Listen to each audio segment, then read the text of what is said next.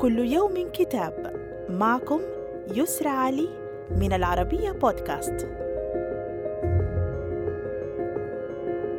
نتناول اليوم كتاب The Species That Changed Itself أو النوع البيولوجي الذي غير نفسه.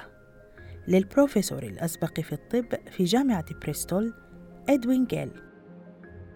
يطرح الكاتب تصوراته على أن وفرة الغذاء أدت إلى الوصول إلى نمط المخلوق الاستهلاكي الذي تطورت لديه سمات بيولوجية لم تكن موجودة لدى سابقيه من الأنماط البشرية.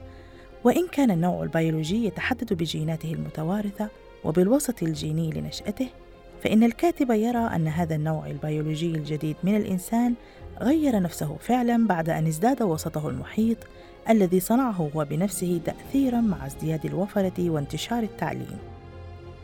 ويتحدث الكاتب أيضا عن بزوغ فجر الوفرة الغذائية مع تطوير الأسمدة الزراعية ويقول إن السمنة هي أهم خصائص وعلامات النمط البيولوجي الاستهلاكي الجديد مشيرا إلى أن السمنة ليست مرضا بل هي جانب من نمط الإنسان الجديد ولهذا فهو لا يوافق على مصطلح وباء السمنة الشائع إذ أنه لا يشكل على سبيل المثال الخطر الذي تشكله أخطار التغيرات المناخية في الأرض. وإلى اللقاء مع كتاب جديد. thank you